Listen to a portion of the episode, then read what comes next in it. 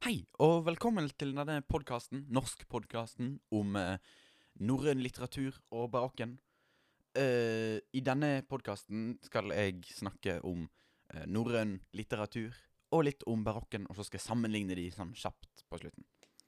Så eh, ja, vi har jo hatt om eh, norrøn litteratur og om litteraturen i Norge i barokken i norskfaget. Så jeg tenkte jeg kunne snakke litt om de, siden det er litt sånn store tema og ganske interessant, og litt sånn spesielt for Norge, og kanskje Skandinavia. Så ja, jeg tenkte jeg skulle begynne med litt norrøn litteratur. Så ja. Nei, eh, norrøn litteratur, det er jo eh, Eller på en måte norrøn tid er jo liksom vikingtiden, da. Så det blir jo på en måte vikingtidens litteratur. Hvordan de skrev i vikingtiden. Eh, denne tiden omfatter skrifter fra norrøne perioden på eh, fra ca. 800 til 1100 år etter Kristus. Da i Skandinavia-området, som er Island, Norge, Sverige, Danmark og på en måte Finland, men på en måte ikke. Eh, og denne litteraturen den består hovedsakelig av sagaer, eddadikt og skaldedikt, som ble nedtegnet på islandsk og norsk på denne tiden. Sagaer det er episke dikt som forteller historier om guder, helter og legendariske begivenheter. Eddadikt det er han dikt som handler om norrøn mytologi og kultur, mens skaldedikt det er da dikt som ble skrevet av skaldene, som var diktere som tjente vikingkonger. Norrøn litteratur ble hovedsakelig nedskrevet og nedtegnet av islandske skaldekvad og historiefortellere på denne tiden, og det ble ofte benyttet muntlig tradisjon som kilde. Det vil da si at eh, noe skjedde, og så ble det fortalt gjennom generasjonene muntlig, til da gjerne flere hundre år etterpå. Noen skrev det ned i en bok. Uh, og disse sagene ble nedtegnet på islandsk og norsk, uh, som regel, og dekker en rekke ulike temaer. Fra historiske hendelser til legendariske eventyr. Eddadikt det er dikt som handler om norrøn mytologi, og uh, det her har jeg allerede sagt før. ja. Så jeg tenkte jeg skulle snakke om et par kjente dikt fra Eller nei, kjente verk, faktisk, fra den tiden her. Eh, et av de største, mest kjente diktene, det er Edda. Dette er en samling med dikt som handler om norrøn mytologi og kultur. Og Edda består av to deler. Først et poiedikt, og så et skaldedikt. Poiedikt-delen inneholder myter om norrøn guddom og eh, religion, mens skaldedikt inneholder hyllester til konger og andre adelsmenn på den tiden. Edda ble nedtegnet på islandsk eh, på 1100-tallet av den da altså den eh, legendariske historikeren Snurre Stur, eh, Snorre Sturlason. Vi har òg eh, en annen kjent verk. Njåls saga. Eh, denne sagaen, da, det er jo en saga, handler om en rekke konflikter og stridigheter som finner sted i vikingtiden i Norge. Sagaen ble nedtegnet på islandsk på 1200-tallet, men fortellingen er basert på muntlig tradisjon fra vikingtiden. Så, altså flere hundre år tidligere. Eh, det gjør jo at den kanskje ikke er helt sånn nøyaktig, og at den kan bli vridd og vendt på av folkene som har fortalt den nedover. Eh, sagaen om Gunnar, Gunnlaug Ormstunge er òg en veldig, veldig kjent eh, saga fra, fra, den tiden. Det er en islandsk saga som ble nedtegnet på 1200-tallet. Den handler om Gunnlaug Hallo? Den, høres om, den handler om uh, Gunnlaug Ormstunge, en ung skald som har en strid med en annen skald, Ravn, om uh, kjærligheten til Helga den fagre. Uh, denne saken inneholder både kjærlighetshistorier og konflikter, og den gir også et innblikk i skaldekunsten og kultur i nei, vikingtiden.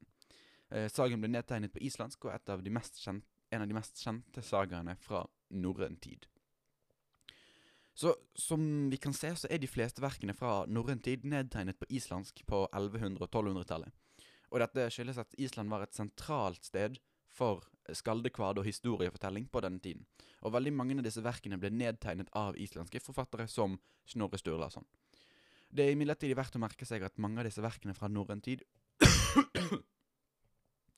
er basert på muntlig tradisjon og fortelling, og kan ha blitt overført eh, Eller har blitt overført fra generasjon til generasjon gjennom århundrene før det ble nedtegnet. Dette kan føre til at de på en måte er vridd én vei, at de er på en måte mye mer vennlige mot en familie enn en annen. Hvis det er den familien som har fortalt det til den som skriver det ned. Eh, eller at mange av detaljene er forsvunnet, eller at navnet har forandret seg. Så de er ikke helt nøyaktige. Men det er det beste vi har. Men ja. Så norrøn eh, litteratur har hatt en veldig stor innflytelse på den moderne norske innflytelsen, eh, litteraturen. Mange av de eh, norrøne sagaene og mytene har blitt videreført gjennom århundrene og blitt en del av den norske kulturelle arv. Sagaene har også inspirert mange forfattere til å skrive historier om vikingtiden og norrøn mytologi, og de norrøne gudene og heltene har blitt en del av den norske nasjonalsymbolikk. Eh, I tillegg har norrøn litteratur bidratt til å bevare den norske språktradisjonen, da mange av skriftene ble nedtegnet på islandsk og norsk, som er nært beslektede språk. Så det var litt om eh, den norrøne litteraturen. Så nå tenkte jeg kunne snakke litt om barokken. Det var òg en veldig viktig tid i Norge. Så ja, litteraturen i Norge under barokken Barokken varte jo da fra ca. 1600-tallet til 1700-tallet.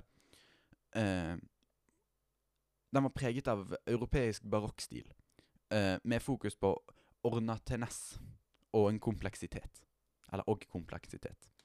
Eh, Barokklitteraturen i Norge den ble hovedsakelig skrevet på latin, og var preget av en veldig akademisk og intellektuell stil. Det ble også skrevet noen få verk på norsk denne tiden, men de fleste av skriftene var på latin og rettet mot et akademisk publikum. For det var dette som var på en måte de høytstående i samfunnet. Og det var veldig mye om religion på den tiden.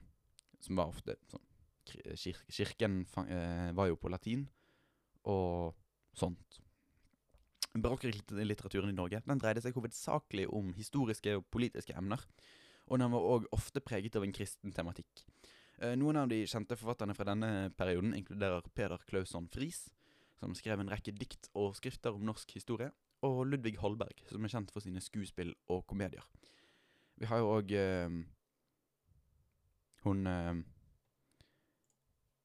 Hun vi hadde om, hun vi skrev om, hun som hadde det diktet Jeg husker ikke hva hun heter. Eh, Dorothe Engebrektsdotter. Ja, hun skrev jo det Aftensalme-diktet. Eh, Barokklitteraturen i Norge den hadde lite å gjøre med den norrøne litteraturen, som var mer folkelig og mytisk. Eh, Barokklitteraturen var mer akademisk intellektuell og ble skrevet på latin rettet mot et akademisk publikum. Likevel så har barokklitteraturen i Norge hatt en stor innflytelse på den moderne norske litteraturen, spesielt når det gjelder stil og tematikk. Så dette er jo to veldig forskjellige tidsperioder, men som har, men som har fokus på forskjellige ting, men som begge har påvirket den moderne litteraturen vi har i Norge, veldig mye. Um, og det var min podkast. Nå begynner jeg å gå tom for tid, så da eh, Da snakkes vi. Så ha det på badet.